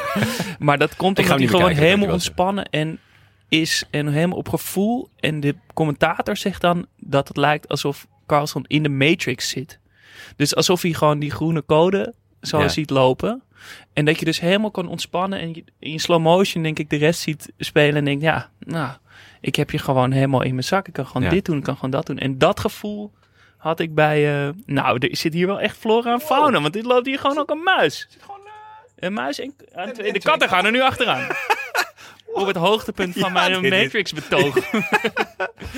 Eh, maar dat gevoel had ik dus bij Zidane ook. En dat, maar vooral in 2006. Dat hij nog minder deed. Nog meer ontspannen. En nog meer gevoel dat hij om zich heen keek. En dacht, Ja. ja, Maar dus ik- ik, zie allemaal spelers Ja. om me heen lopen. Maar Ja, ik, weet. ik kan ik alles lijk aan de touwtjes. Ik vind het echt een eh, super omschrijving. Want Ja. hij, hij, heeft niet, hij is niet sneller dan andere spelers. Hij is niet sterker dan andere spelers. Hij kan niet beter schieten dan andere spelers. Maar er is iets in zijn hoofd Ja. wat ervoor zorgt dat hij dat spel op een andere manier ziet en beleeft. Waardoor hij ook andere dingen met die bal doet dan Ja. andere spelers. En het lijkt, en dat vind ik altijd heel mooi bij spelers, als het in slow motion lijkt te gaan, maar dat hij toch niet af te stoppen is. Ja. En een soort, soort van, is heel veel minder goed dan Zidane, maar Firmino in, in topvorm heeft dat ook. Die beweegt heel traag en je denkt, nou ja, ho- hoezo pakt niemand die bal af? Maar daar, die zit dan gewoon op een soort van ander, andere bandbreedte. Ja, en, en dat Eh, heb ik dus ja. bij Messi. Die is gewoon heel goed in dat spelletje te spelen. Ja. Die kan gewoon nog sneller Ja. rennen en nog sneller die bal controleren. Maar Zidane speelt een andere wedstrijd, heb ik het idee, dan, dan Ja. de, de 21 andere mensen op het veld. Ja, vet. Ik zat laatst bij, eh, voor een podcast, eh, was een gesprek met een schermer. Dus die gaat ook naar de Olympische Spelen voor de vijfde keer. En die traint dus nog maar, schermen trainen doet hij dus nog maar één keer per week. Dus op eh, dinsdagavond, want hij is ook politieagent. En dat is hij al zijn hele leven. Eh, hij is Is hij al zijn hele leven politieagent? Ja, ze- gewoon, eh, hij, wer- hij wer- werkt gewoon zijn hele leven. Ja. En ehm, hij is op een gegeven moment, t- toen hij een wat minder jaar had, is hij puur toeval bij een, een iemand terechtgekomen die, waar hij dus zijn brein traint. En die, is toen, die moest dan eh, rode lichtjes wegtikken op een scherm. En dan ondertussen was er in het midden was er een, eh, werd er een som, eh, een rekensom gegeven. En die moest hij dan oplossen. Dus werden er een soort van synapsen gelegd die anders niet werden gelegd. En hij zei, ja, na een half jaar stond ik dus te schermen. En ik won. En ik ga op een gegeven moment naar mijn trainer toe en ik zeg... Bewegen zij nou in slow motion of ligt dat aan mij? En dat was gewoon echt... Hij was, hij was dus op een andere, nou ja, wat jullie net beschrijven... een andere bandbreedte gekomen. En dat, Ja. dat gevoel inderdaad heb je bij Zidane. Van alsof hij het allemaal al heeft gezien, al door heeft, al Ja. weet van... oh, Ja, dit gaat nu gebeuren en dan... Hij Ja. zit gewoon, gewoon, als hij goed draaide, zat hij gewoon in een soort van ultieme staat van, van in een flow zitten of zo. Ja.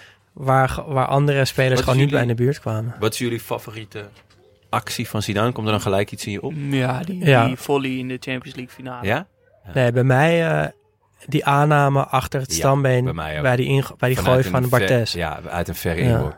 Die Ja. is zo wonderbaarlijk. Ook omdat die tegenstander ook nog twee meter verder is of Ja. zo. En er ook niet bij komt. Het is, ook- Helemaal weg is. het is niet in een soort direct duel, maar neemt gewoon de bal aan. En, en iedereen in een straal van 10 meter. Ja. Is het ineens Is- alsof, er, is- alsof er een soort rust ook daarna Ja. op het veld. Van, oh ja, dit was de, Ja. dit was de perfecte optie. Ja. Ja. wat een speler. Ja, heel Genieten. Eh, jij hebt in het dokje, dat vind ik erg leuk, ehm, gezegd... zijn afscheid in 2006 was in mijn ogen het mooiste afscheid ooit. Ja. Ja, vertel. Ja, daar kan je over discussiëren. Daar kan je zeker over En discussiëren. dat gaan we nu ook doen. Nee, maar ik vind het heel vet. Ik vind het heel vet dat je er zo naar kijkt. Aan de ene kant is het heel... Nou, dat het komt natuurlijk door het hele verhaal ook eromheen. Van hij was volgens mij 35 of zo, dat toernooi echt al best Ja. wel oud. Iedereen wist dit gaat zijn laatste kunstje worden. Ehm, dat hele toernooi weet ik eigenlijk niet zo heel goed meer tot die kwartfinale tegen Brazilië. Ja. Toen hij gewoon het hele Braziliaanse elftal echt zoek speelde, maar ook echt op die typische Zidane manier. Dus met scharen en met zo'n ballen net over iemand heen en dan zelf, nou gewoon echt. Daar zit trouwens ook een hele mooie compilatie van op YouTube. En daar zette hij nog eventjes gewoon... Nou, hij liet even de wereld zien van leuk Ronaldinho, eh, leuk Lucio, al die andere Brazilianen. Er is hier maar één koning en dat ben ik, ook al ben ik 35. Met altijd zijn shirt zo'n beetje hangend uit zijn broek, kraagje aan één kant omhoog, heel nonchalant. En, Slepend voetje. ja, slepend voetje en nou, die, die, die, die kop, nou, dat, dat toen, dat was echt Zidane. De ultieme Zidane. Nou, en dan die finale. Toen komt een penalty tegen Buffon, met wie hij natuurlijk jarenlang heeft gespeeld bij Juventus. Dus die hebben ongetwijfeld duizenden keren penalties eh, op elkaar genomen. Ja. En hij chipt hem gewoon in de finale, onderkant lat erin. Wat gebeurt hier, weet ik Ja. nog wel toen ik dat zag. Nou, en dan, dan dat einde. Dat, dat er buiten beeld iets gebeurd is. En dat Ja. je gewoon als, als toeschouwer niet helemaal weet wat nou precies. En dat je er dan achter komt dat, dat hij een kopstoot heeft gegeven. En dat dat gewoon de manier is hoe zijn carrière eindigt. Ja, Ik vind het echt het, gewoon pure poëzie gewoon. ja. Ik vind het zo mooi. Het is wel echt out with En ook, en ook Zidane ten voet uit. Gewoon genialiteit en een soort van doordraaien. Ja, En gezegd dat hij er geen spijt van heeft. Ja. toch? Dat hij het Ja, zo ook nog vet, een keer zou doen. tuurlijk. Dat, dat Dat- moet je ook zeggen. Ja. ja, tuurlijk. dat moet je ook zeggen. Ja, heel vet. Ja, mooi. Mooi, eh, mooi uitgelegd. Ehm, Dan gaan we door. ja, Henry. Thierry Henry.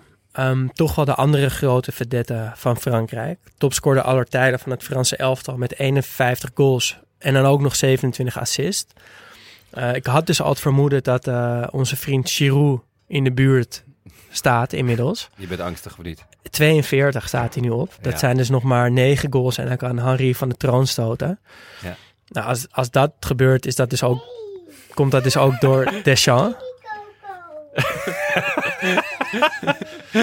Voor de, voor de scherpe luisteraar, mijn dochter komt eh, de tuin binnengewandeld. Maar er gebeurt hier echt van Er alles in je tuin. alles. Want die, die muis is nog steeds niet gevangen door die, door die Nee, katten. Want die, inmiddels- zit echt, die zat net onder mij.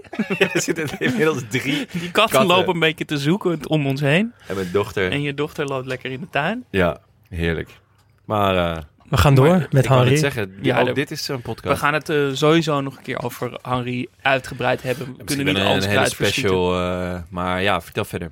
Nou, hij werd net als in 98 eh, topscorer van Frankrijk. Wel maar met drie doelpunten.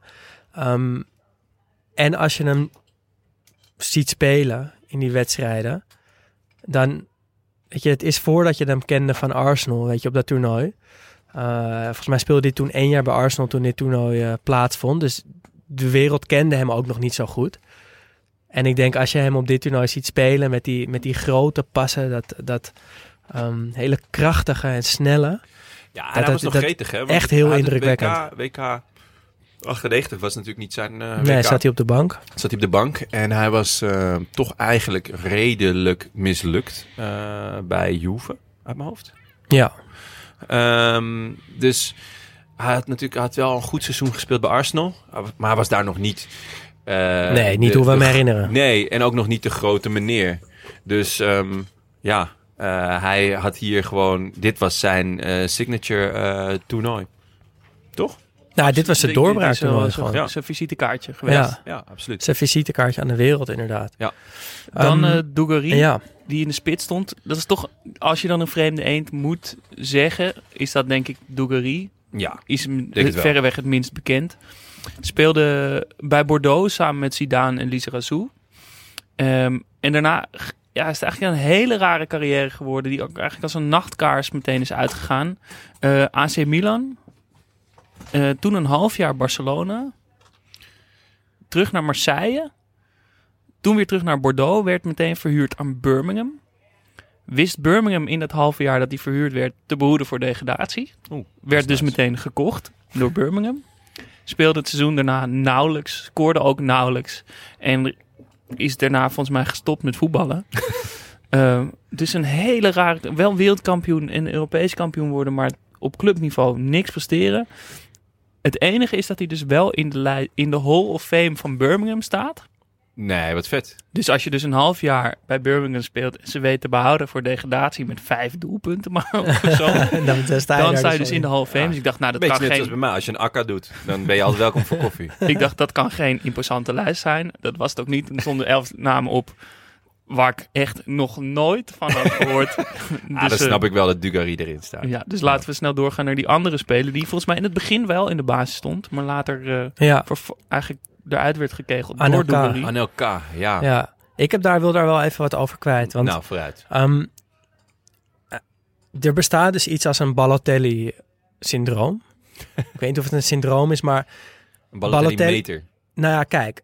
Balotelli is gewoon een hele lastige jongen. Die zorgt overal voor problemen. Ja. Ehm, er wordt dan over gezegd van... Ja, maar hij is wel heel goed. Dus we zien het een klein beetje door de vingers of zo. Hij heeft een beetje Ja. een soort van speciale behandeling.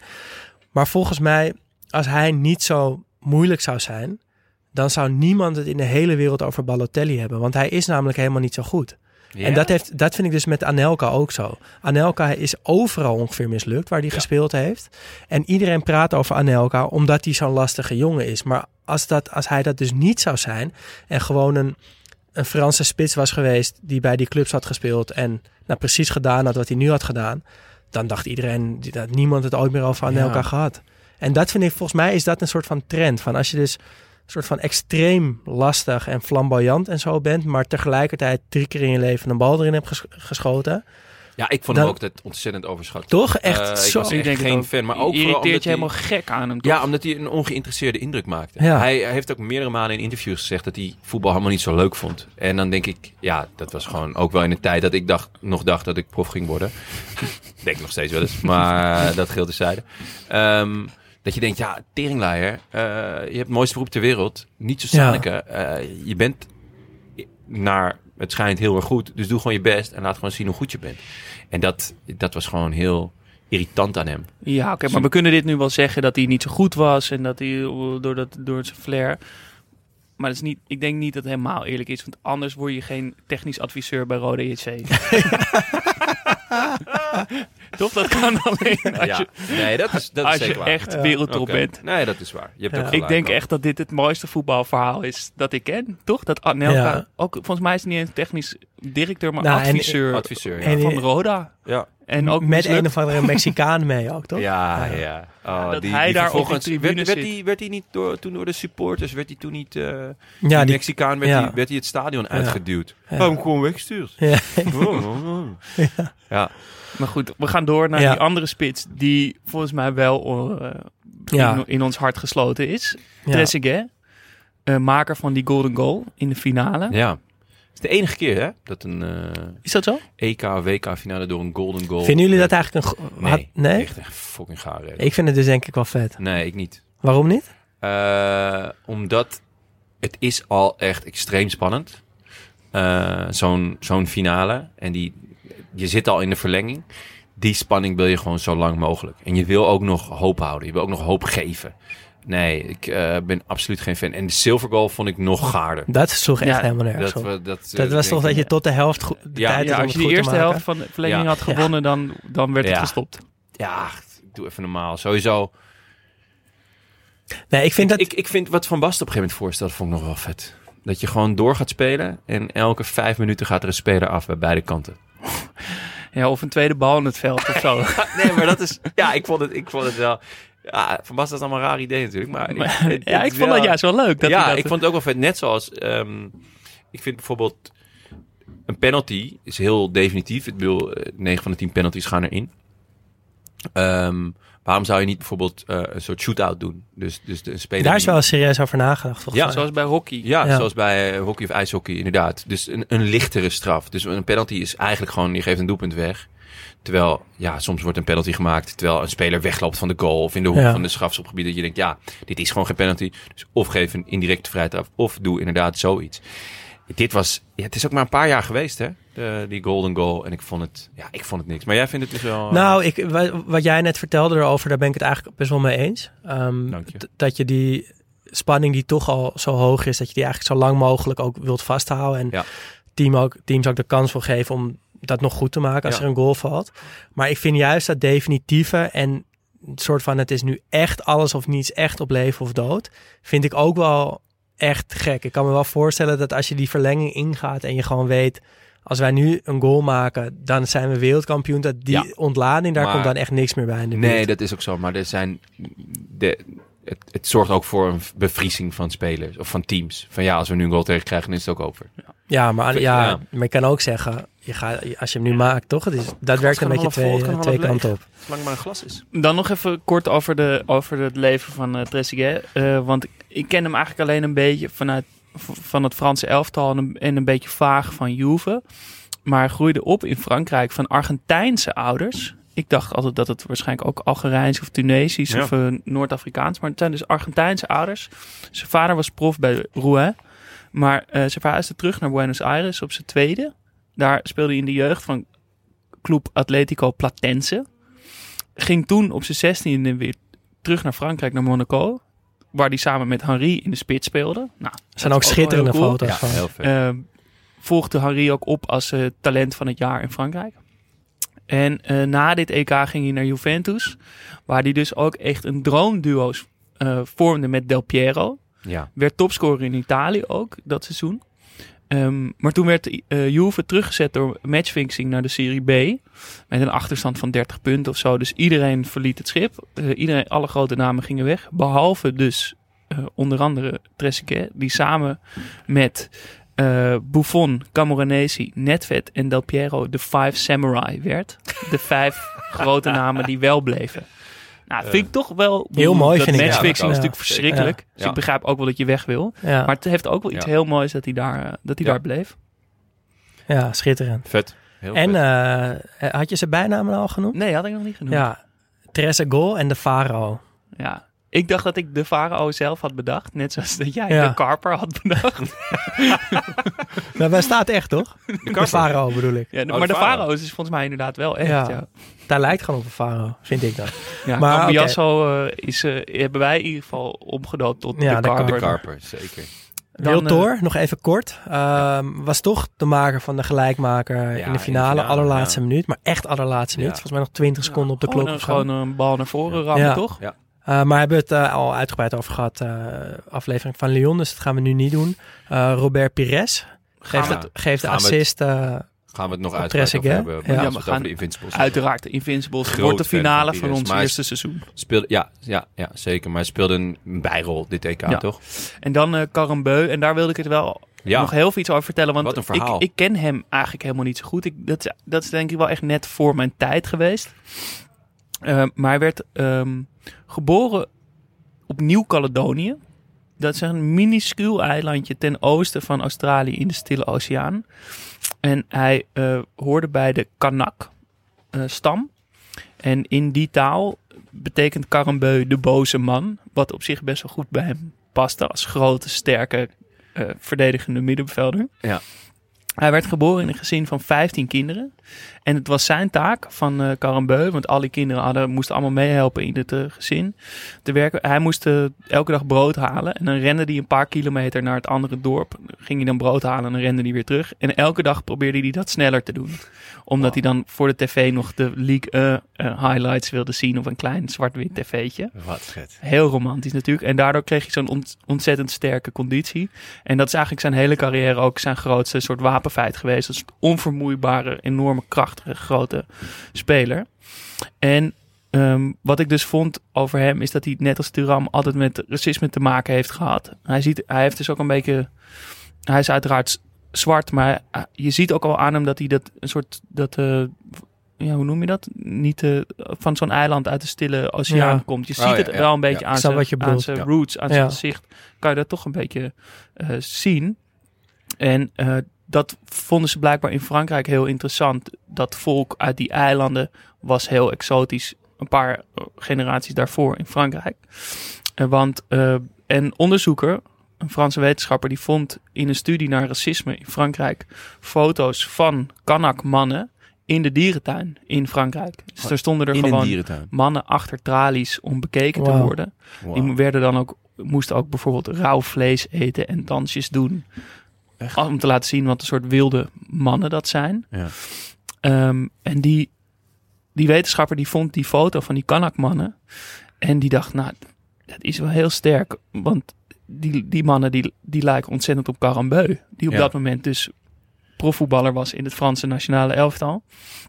En eh, na onderzoek kwam, kwam hij er dus achter dat dat de overgrootvader van Carambeu was. Die dus in een dierentuin stond achter tralies Wow. waar Franse mensen dan naar konden kijken. En het is er zelfs zo erg dat op een gegeven moment die, zijn overgrootvader is geruild met een dierentuin in Duitsland eh, tegen een paar krokodillen. Wow. Jezus. Wat een verhaal. En dat je dan, eh, je moet voorstellen dat Le Pen zegt dat er te veel zwarte mensen in Ja. het Franse nationale elftal staan of spelen. Ja. En vervolgens wordt Carambeu met die ges- familiegeschiedenis wereldkampioen Ja. en Europees kampioen met Frankrijk is, is ja, ongelooflijk. Ja, Echt ongelooflijk. echt. Hm. Dus dat is wel een verhaal wat, eh, wat verteld moet worden. Ja. En, eh, wat, wat verschrikkelijk eh, is, maar ook waanzinnig mooi op een bepaalde manier. ja, dat zeker, dat zo ja. eh, heeft. Ja. Ja. Ik vraag me dan ook af hoe je... Je zou dan toch, als Carambeu, wil je toch je gram halen of zo? Lijkt mij. ja. En heeft, hij, dat- heeft hij dat niet gewoon gedaan door met al zijn prestaties? Ja, ja, ja, zeker. Maar dat je dan toch bij, weet ik veel, een uitreiking of zo zegt van Ja. deze... ja. Ja. Maar hij, heeft wel, hij is ook veel politiek eh, actief geweest en tegen racisme, net als Ja. Speelde eh, bij Nantes, eh, Sampdoria, samen met Seedorf, Veron, Mancini en Mihailovic. Toen ging hij naar Real, samen met Seedorf. Heeft hij daarna nog bij Middlesbrough, Olympiakos, Servet in eh, Zwitserland en Bastia gespeeld. Ook een mooie carrière. Ja, vet, mooi. vette twee Ja. laatste clubs ook. En dan verder nog in de selectie eh Jean Micou, Leboeuf, Emmanuel Petit, Candela. Hebben we natuurlijk over gehad bij eh, Roma. En de tweede keeper Lama, die keepte in die laatste poolwedstrijd tegen Nederland. En, Het is wel eh, een risicovol, hè? Twee Scaffa-keepers meenemen naar in Nederland. Ja, hij stond ook te slapen bij die Ja. vrije trap, Ja. toch? Ja, En inderdaad. dan de coach Roger Lemaire. En dat is, ja, daar hoeven we het niet heel lang over te hebben. Maar die heeft een voetbalpaspoort. Die, ja, dat moet even genoemd worden. Want hij was behoorlijk onervaren. Hij eh, was coach bij Red Star. Dat is ook in Frankrijk, in Parijs, ergens een club. Oké. Eh Lan, Lens. We hebben Ja. het al eens eerder over deze naam gehad. Paris FC, Strasbourg, Esperance, Tunis.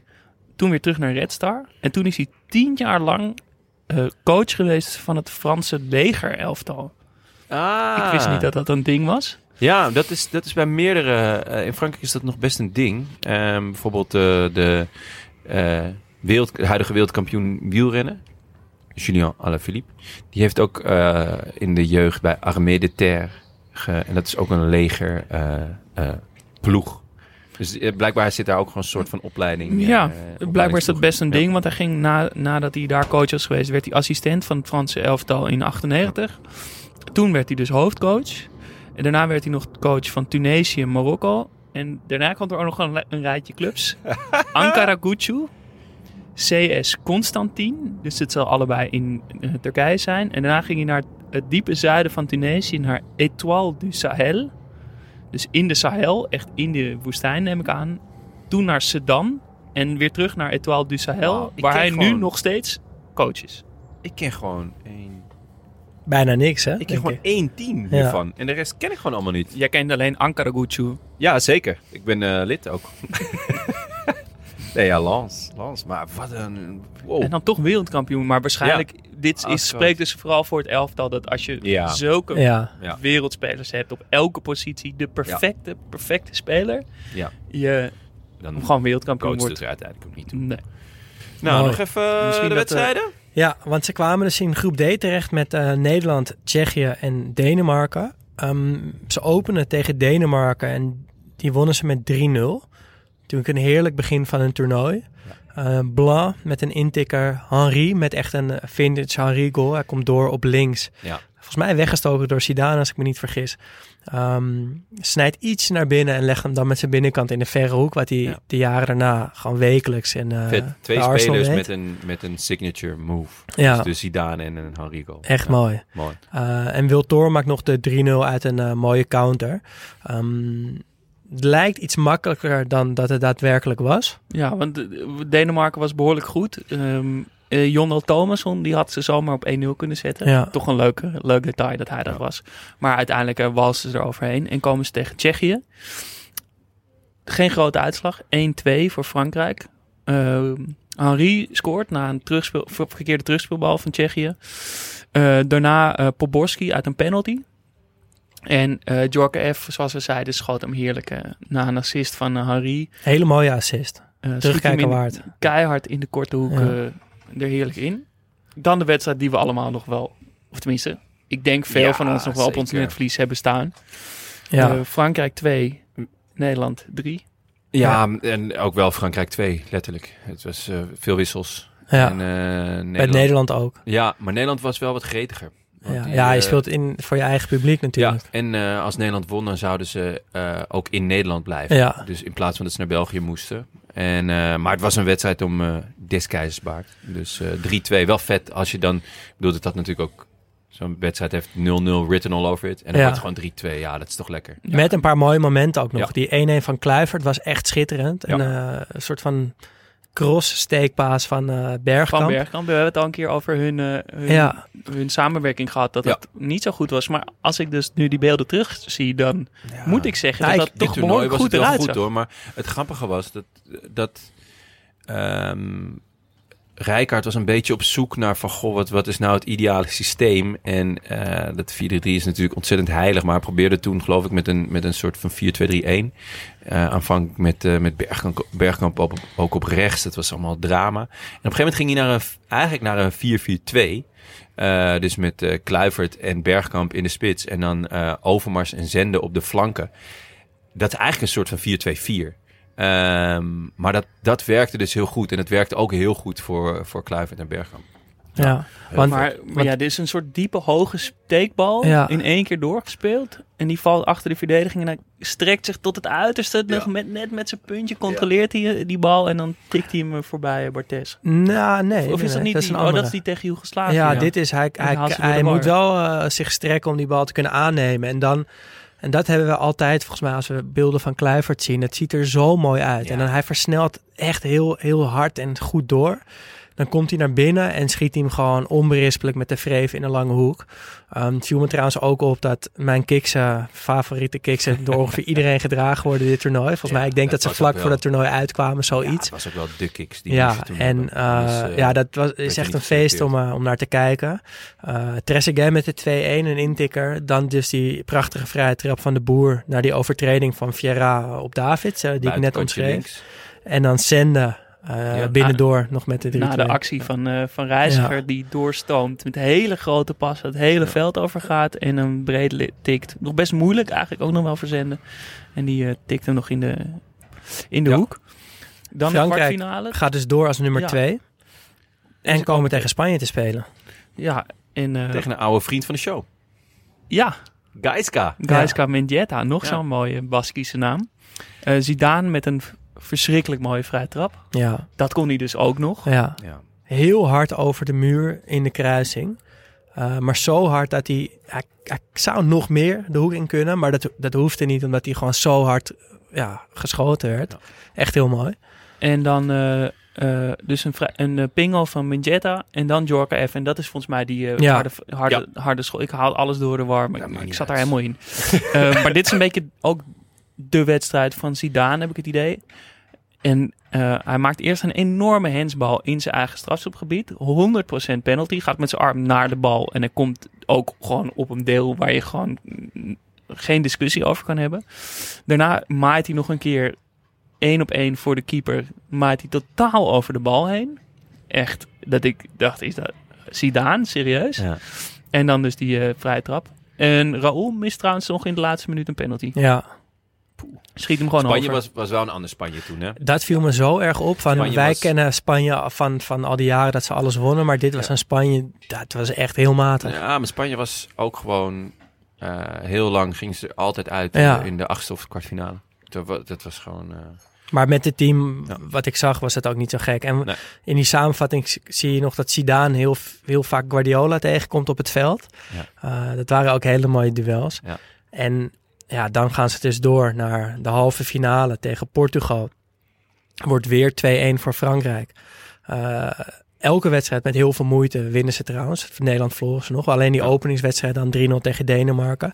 De rest bijna allemaal 2-1. Ja, maar dit is dus, ja, dit vond ik ook echt een masterclass eh, van Zidane. Hier zit ook die aanname op de borst in en dat hij daarna meteen terugdraait, die je in al die compilaties ziet.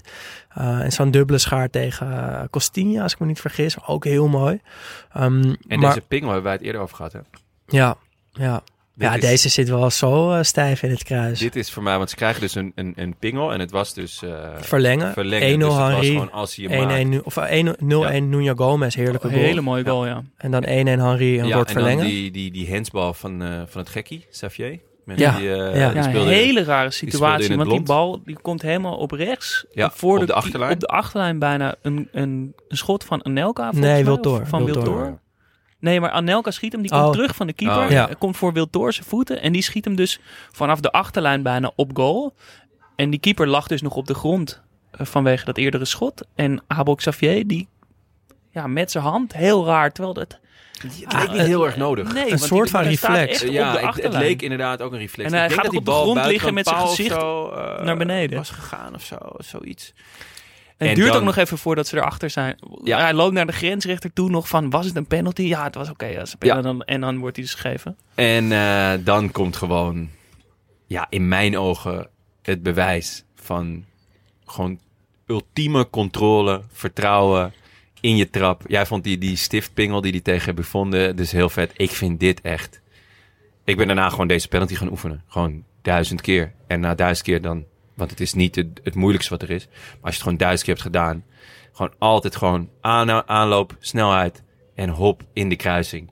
Ik vond het zo vet. Ik vond het, de, de sprak zoveel vertrouwen. Ja. Hij, hij ging deze bal gewoon 100% maken. En dat, ja, dat is. eh, ik dan in de halve finale van een EK ja, in de terwijl je weet dat eh, met Golden Goal. eh, ja, schitterend. En dan dus de, fin de finale. Nou, en nog, hij, hij Oh, juicht zo. eh, oh ja hij, juicht, ja, hij loopt heel mooi met één hand in de Ja. lucht naar de zeilen, zeilen. Maar hij blijft de hele weg die ene hand opgestoken houden. Ja. Naar de coach toe. En met alle wisselspelers springt er iedereen op hem. En je ziet alleen die hand daar nog Ja. bovenuit steken. Heel mooi beeld. niet- ja, heel mooi. Het stond niet meer echt op een Netflix, maar Netflix. Jezus. Oh, jongens. Ik hou over met praten. nu. millennial. Maar het is wel een iconisch beeld. Ja. Het valt me echt tegen van mezelf. nou, laten, een gaan jullie het maar over die finale hebben. Die finale is dus tegen Italië. Ehm, die overigens ook echt in waanzinnige shirts spelen. Weet je dat net wat te strakke voor als je geen Italiaan bent. Kappa. Eh, alleen dat logo op dat shirt. En echt een hele mooie kleur. blauw. Ja, je liet hem zien. In de Heel- wit heb ik hem wel. Ik heb heel eh, mooi. Echt schitterend. Ja. En Italië eh, komt ook op eh 0-1 voorsprong. eh, door een goal van Del Vecchio. Ja, die eerste helft die, die gaat eigenlijk heel stroef, heel afwachtend. Italië is gewoon puur catenaccio, echt zoals we Italië, zoals dat hoort Nou, eigenlijk. met een echt Italiaanse spits ook. Ja. Waar je eigenlijk daarna nooit meer iets van gehoord Del. Vecchio. En Totti, die die En- goal schitterend voorbereidt. Precies, en in de 55 minuten of zo, eh, Ja. opeens is er een soort hakje van Totti, Ja. waardoor alles openbreekt. Een voorzet wordt Ja. gegeven na, de, na dat hakje. En die wordt erin getikt door Del Vecchio. Dan denk je natuurlijk, nu gaat die, wordt die bus geparkeerd en eh, gebeurt er niks meer. Dat Dat gebeurde ook. Was ook eigenlijk zo. Ja, maar er gebeurde nog wel heel veel hoor. Ja, het was, het was gewoon heel spannend. Ehm, Ja, en eh, Italië had een paar keer die wedstrijd echt in het slot kunnen gooien. Want Ja. Piero krijgt echt twee opgelegde kansen. Ehm, maar die maakt ze niet. Zidane echt aan banden gelegd door, eh, door de Italianen. Ja, ik vond een quote van een, een journalist van The Guardian, eh, David Lacey. En hij schrijft over die, eh, eh, over die finale. Eh, Zidane was reduced to the role of a disembodied brain in a laboratory, still able to think, but unable to make things happen. Wauw. Ja. Heel mooi gezegd. Ja, zeker. Zeker met, met hoe we het net over Zidane hebben gehad. Ja, Over hoe zijn, zijn hersenen inderdaad soms op een ander level eh, opereren. Dan is, sluit dit wel mooi aan. Maar goed, dan komt een grote wilde trap van, van Bartes, denk ik nog gewoon een soort alles of niets Ja. naar voren. Die valt voor de voeten van Wiltor en die schuift hem eigenlijk heel Ja, eenvoudig met, met in de links lange van, hoek. van eigenlijk best wel ver naar de, naar de buitenkant. Een bal die Toldo denk ik wel moet hebben. Aan de andere kant snap ik ook dat hij hem niet heeft. Want hij valt zeg maar net in die ruimte dat je denk ik heel erg twijfelt als keeper of je hem met je voet of je hand moet pakken. Ja. Hij kiest voor zijn hand en ja, de bal glipt, een beetje, glipt er dus ja. net eh, tussendoor. Valt in een lange hoek. ehm, 1-1 en dat was dus echt 20 seconden voor tijd. Dus het wordt eh, wel verlengen. lekker dat het een keer bij Italië gebeurt, toch? Ja. ja. Ja, en het wordt dus eh, verlengen. En ja, dan ja, kan ik alleen maar aan die golden goal van Trezeguet. Ja, een eh, geweldige actie van Pires. Ja, ook, twee man ook echt een vi- soort van vintage Pires actie. Dus dat hij dribbelt, inhoudt en hem dan weer meesleept. En eh, je moet, eh, je moet eh, Lamar hier toch wel een beetje credits geven. Want hij wisselt dus in de 70ste minuut of zo... wisselt hij eh Wiltor, Pires en Trezeguet in het elftal. En die zorgen eigenlijk met z'n drieën voor die twee goals. Oh wauw, dat wist ik nog Die, helemaal die niet. Is vooractie wel, van Pires, Ja. dus hij, hij, hij speelt twee Ja. man uit en geeft die bal op Trezeguet. Ja, en die komt En- met een stuit. Wat ik, daar, wat ik daar mooi aan vind, is dat we vorige week hebben het dus gehad over de- onze favoriete manier van juichen. En Wiltor juicht op de manier die jij het allermooist vindt, Daan. Namelijk met dat vingertje. Dat hij dat zo wijst van, Ja. zie je, zie je, zie je. De, die Harry Ja, dus ook ja, misschien wel daar vandaan heeft. En Trezeguet, die juicht op de manier die Ja. ik mooi vind. Zoals Grosso, dat was dan mijn Ja. voorbeeld. Maar dat had net zo goed Trezeguet kunnen zijn met dat ongeloof Ja. en die blijdschap. Shirt uit ook nog. Ja. En Eh, slaat dan gewoon als slaat dan nog steeds. slaat als buitencategorie. ja, en dan zijn ze Europees kampioen in de Ja. Kuip. Ja. Ja. En toch ook, ik vind dat zo knap nadat je ook wereldkampioen bent geworden. Want ik kan me toch ook ergens voorstellen dat als je zoiets dan eenmaal bereikt hebt, dat, er, ja, dat die honger misschien toch net iets minder is. Nou, ik Eh, denk dat, dat je dat wel heel erg zag in die kwalificatie, toch? Ja, ja, bedoel, ja. Dan, dan, want volgens mij wonnen ze twee keer van Andorra met 2-0. ja. Eh, en het ging echt moeizaam. En eigenlijk als Oekraïne of Rusland gewoon doet wat hij moet doen, ja, dan, Zijn ze er niet dan eens. zijn ze er niet eens. En eh, er was heel veel kritiek toen eh, op, op dat team. Zeker inderdaad, omdat ze wereldkampioen waren geworden. En ja, dan toch ook weer die semi-racistische dingen die er allemaal weer bijgehaald werden. En in, in, in zo'n kwalificatie, dan is het echt moeilijk om je, om je daarvoor op te laden. Want je denkt, ja, Andorra, Oekraïne, Rusland, het zal wel. En ehm, ja, als zo'n toernooi begint, ja, dan, dan voel je het wel weer, lijkt mij. Ja. althans, toch? Ja, ja en dat, dat, dat bleek ook wel met die 3-0 overwinning natuurlijk aan het begin. Eh, en daarna is alles vrij moeizaam gegaan, maar ook wel tegen echt goede tegenstanders. Maar er was wel ook iets onoverwinnelijks. Zeker, Ook wel, ja. Ze gingen sowieso dat gewoon scoren nog. Ja, Ja. Ja, ze waren aanvallend gewoon heel eh, variabel, heel sterk. En met Zidane als, als, als het brein, als de motor van het team. Um, de als de matrix eh, Ja, als van het team. ja. Als Nio. Wat ik wel eh, zeg maar, over dit EK in zijn geheel moet zeggen. Is dat ik heb, ik heb al eh, veel, eh, veel samenvatting terug zitten kijken. En niet alleen van Frankrijk, ook van Nederland. En als je geen voorstander bent van de VAR. Als je dat gezeik vindt, als je het te lang vindt duren, als je het onzin vindt, als je de authenticiteit van het spel vindt bederven, als je de, weet ik veel, de autoriteit van de scheidsrechter aangetast, kijk dan een keer even dit EK terug, want het is ongelooflijk Ja. bijna elk doelpunt is er, hangt er wel iets van hands of buitenspel aan. Of een andere overtreding.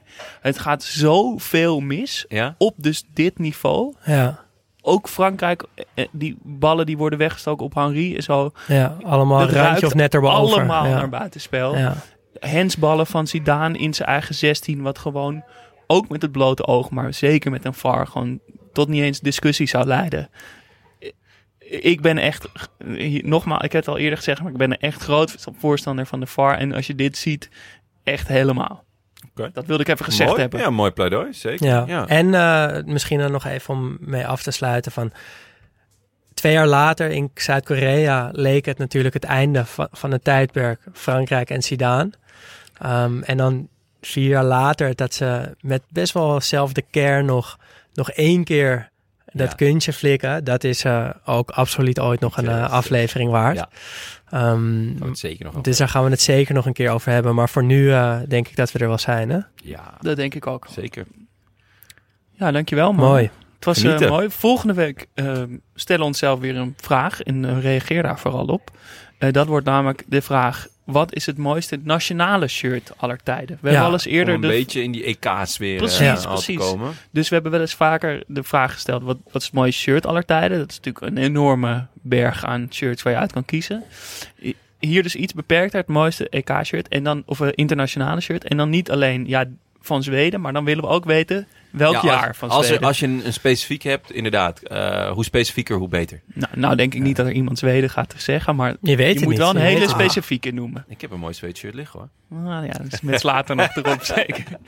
Nou goed, Ja. misschien wel Zweden. Het is natuurlijk Ja. ook eigenlijk wel een mooi shirt. Uh, goed, u luisterde naar Studio Socrates. Gepresenteerd door Daan Sutorius, Jonne Seriese en mezelf, Jasper Gottlieb. Vond je het leuk? Abonneer je dan en laat een review achter, zodat we makkelijker te vinden zijn. Maar, belangrijker nog. Wil je nou dat Jonne niet alleen een huis met tuin in Amsterdam kan kopen, maar bijvoorbeeld ook een tweede huis in de Bourgogne, zodat we daar nog meer afleveringen kunnen opnemen? Word dan vriend van de show op vriendvandeshow.nl slash Studio Socrates.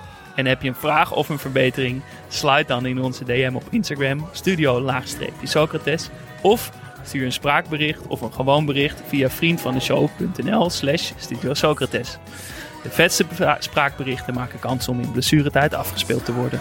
Vandaag geen, eh geen blessuretijd, hè? Dus, Geen spraakberichten. Misschien dus we missen vrienden van de show en we missen spraakberichten. maar gelukkig hebben we Danny Beenham en Kaliber. Ons land is machtig, de leeuw brult krachtig.